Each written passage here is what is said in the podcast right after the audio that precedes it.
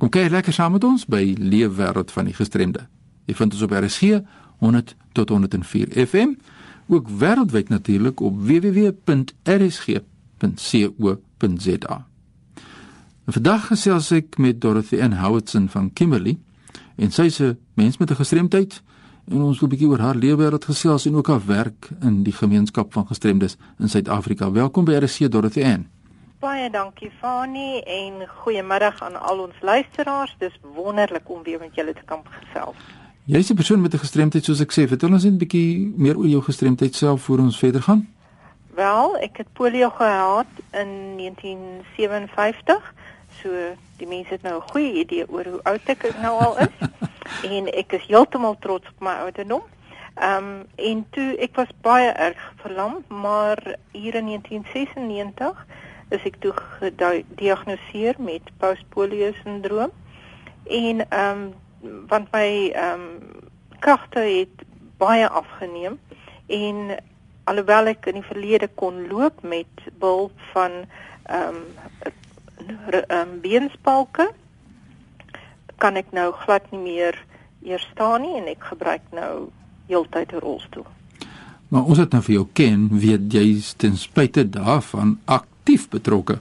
As 'n vrywilliger natuurlik en jy's betrokke by die Nasionale Raad vir persone met liggaamlike gestremdhede in Suid-Afrika en jy's 'n rolmodel en jy's op die uitvoerende komitee en baie dinge waarby jy betrokke is, maar vertel ons met hoekom en waaroor?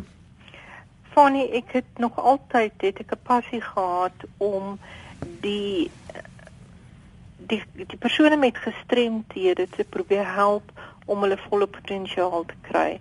En dit is vir my die geleentheid gegee deur die Nasionale Raad vir Persoonlike uh vir persone met liggaamlike gestremthede.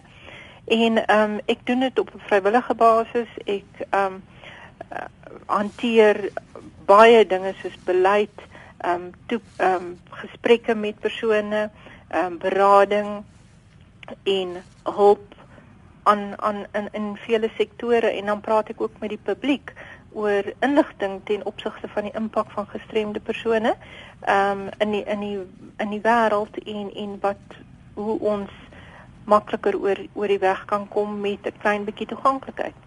Ja, nee, bewusmaking is natuurlik iets waarvoor jy baie sterk voel en uh, is baie belangrik om die gemeenskap in te lig. Ja. Ek dink bewusmaking is kardinaal want as jy dit nie as die mense nie bewus is waaroor gaan gestremdheid nie en wat die impak is nie, gaan hulle nooit regtig kan verstaan nie.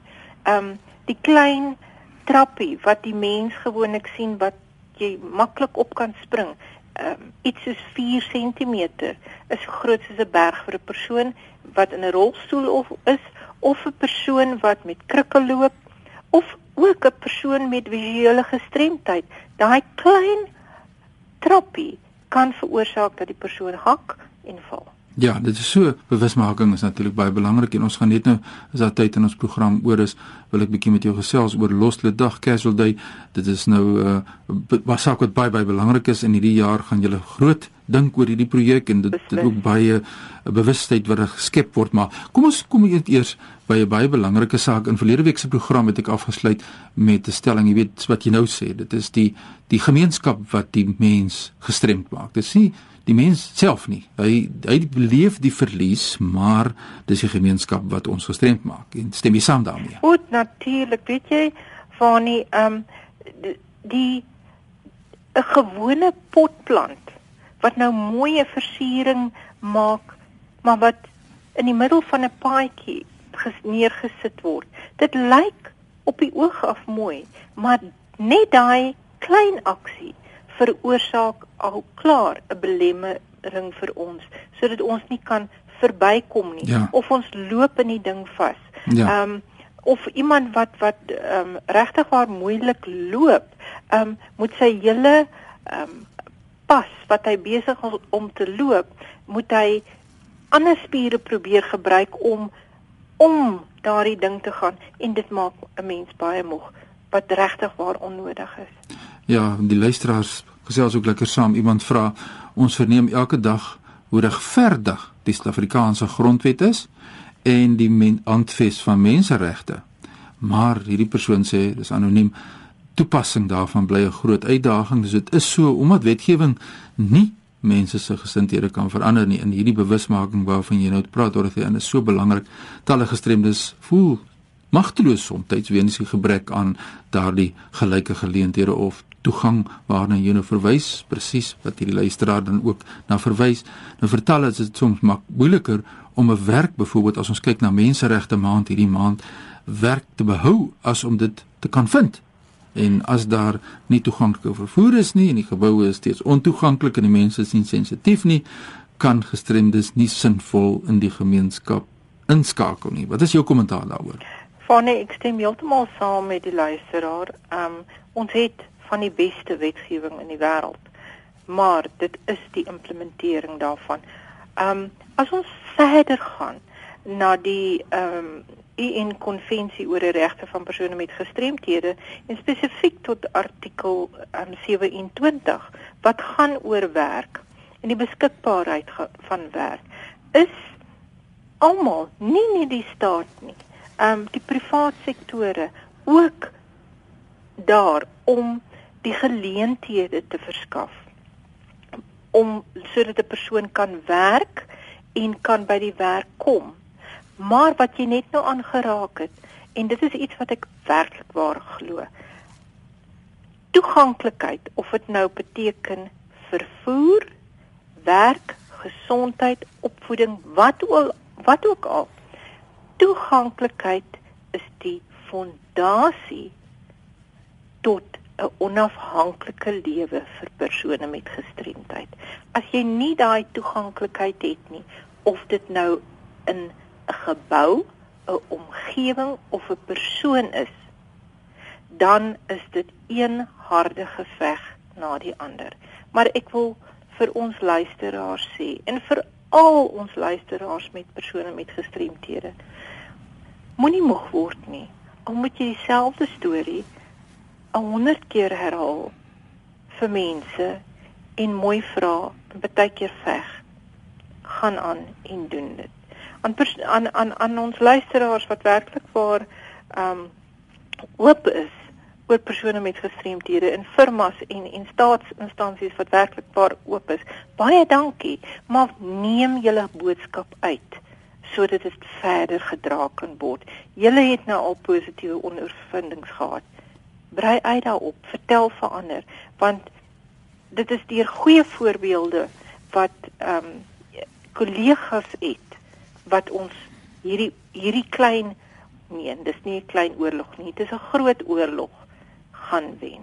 Ja, nee, bewusmaking natuurlik en dis Dorothy N. Howardson van Kimberley wat so gesels sy werk vir die Nasionale Raad vir persone met liggaamlike gestremdheid as verwilliger in Suid-Afrika en ons het nou gesê een van die projekte wat ons nou baie in die nuus van gaan hoor is die Casual Day Losledag projek is een van die bewusmakingsveldtogte in Suid-Afrika wat soveel verskillende forme van mense met gestremthede dan ondersteun en 'n groot verskil maak. Maar hier's 'n ander vraagie wat ek net wil kyk van 'n luisteraar wat wil weet Uh, bestaan daar genoeg riglyne om werkgewers oor redelike aanpassings by die werk in te lig? Ja, verseker, want daar's aspekte soos die goeie gedragskode en die tegniese ondersteuningsriglyn en is duidelik oor werwing, keuring en diensneming, bewusmaking oor die saak van gestremdheid uh, en uh, steeds ten spyte van hierdie sake skryf die persoon is daar nog uitsluiting, maar soos ons nou by Dorothy aangehoor het, die bewustheid wat geskep moet word rondom 'n saak. Maar kom ons, die tyd hardloop so vinnig uit Dorothy en ek wil net terugkom na hierdie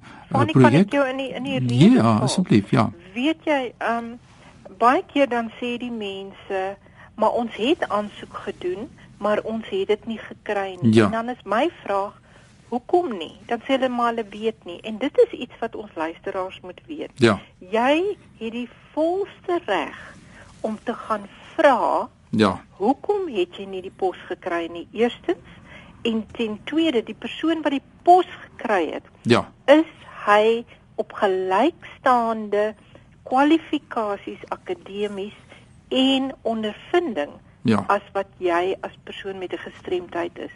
As daai persoon dieselfde is, het jy die reg om te vra hoekom is jy nie ehm um, ook in in in of hoekom is jy nie ook oorweeg in die situasie. Ja, dit is die persoon se reg en dit kom by op by artikel 21 van daai konvensie. Ja. Waar die reg tot toegang, toegang en die vryheid van spraak en opinie uh, neergelê word. Ons moet ophou bang wees en daai askies mentaliteit hê. Ons moet begin vra vra. Ja, dis die mening van Dorothy en Howardson van Kimberley. Ons program is besig om einde se kant toe te staan Dorothy en ek wil net gou vir jou vra. Ek het genoem van Losledag. Julle tema hierdie jaar is gaan groot, so ons wil groot gaan as gestremde sektor, né? Nee? Beslis, beslis en dit dit en ek wil ek wil vir ons um, luisteraars sê, weet jy, um Losledag is een van die groot um spanbou oefeninge by maatskappye en staatsdepartemente in die land. Dit is die beste um spanbou oefening wat daar is. En gaan groot. Kry die grootste das wat jy denkbaar kan hê. Ja. Um die grootste hare, die grootste um blinddoek, whatever ja. jy wil doen. doen dit. Uh maar wees deel van ons en klim in 'n reistool as jy moet. Ja nee, dit is so ons moet die dinge aanpak en dit bou op na September maand en dit is dan van loste dag in plaas van Dorothy en ons tyd het uitgeloop. Dis lekker by jou te gesels oor die lewe wêreld van mense met gestremthede. Geef ons net jou kontakbesonderhede deur. My kontakbesonderhede, my selfoonnommer is 082 926 5754 en my um, e-pos is e l o h i m @imweb.co.za. Nou ja, dit is Dorothy in Howardson van Kimberley. Ek kan ook net kontak besonderhede deurgee. Ons het 'n uh, week of wat gelede gesels met uh, Johan Viljoen en Tarina Wenzel oor Losledag, maar jy kan Celeste Venassa skakel by 011 452 2774. Ek herhaal 011 452 2774 indien jy enige navrae oor Losledag spesifiek het wat in September hierdie jaar gaan plaasvind. Indien jy enige navrae of voorstel het in hierdie program stuur die e-pos nou aan my by fani.dt by mweb.co.za. Tot volgende week. Groetens uit Kaapstad.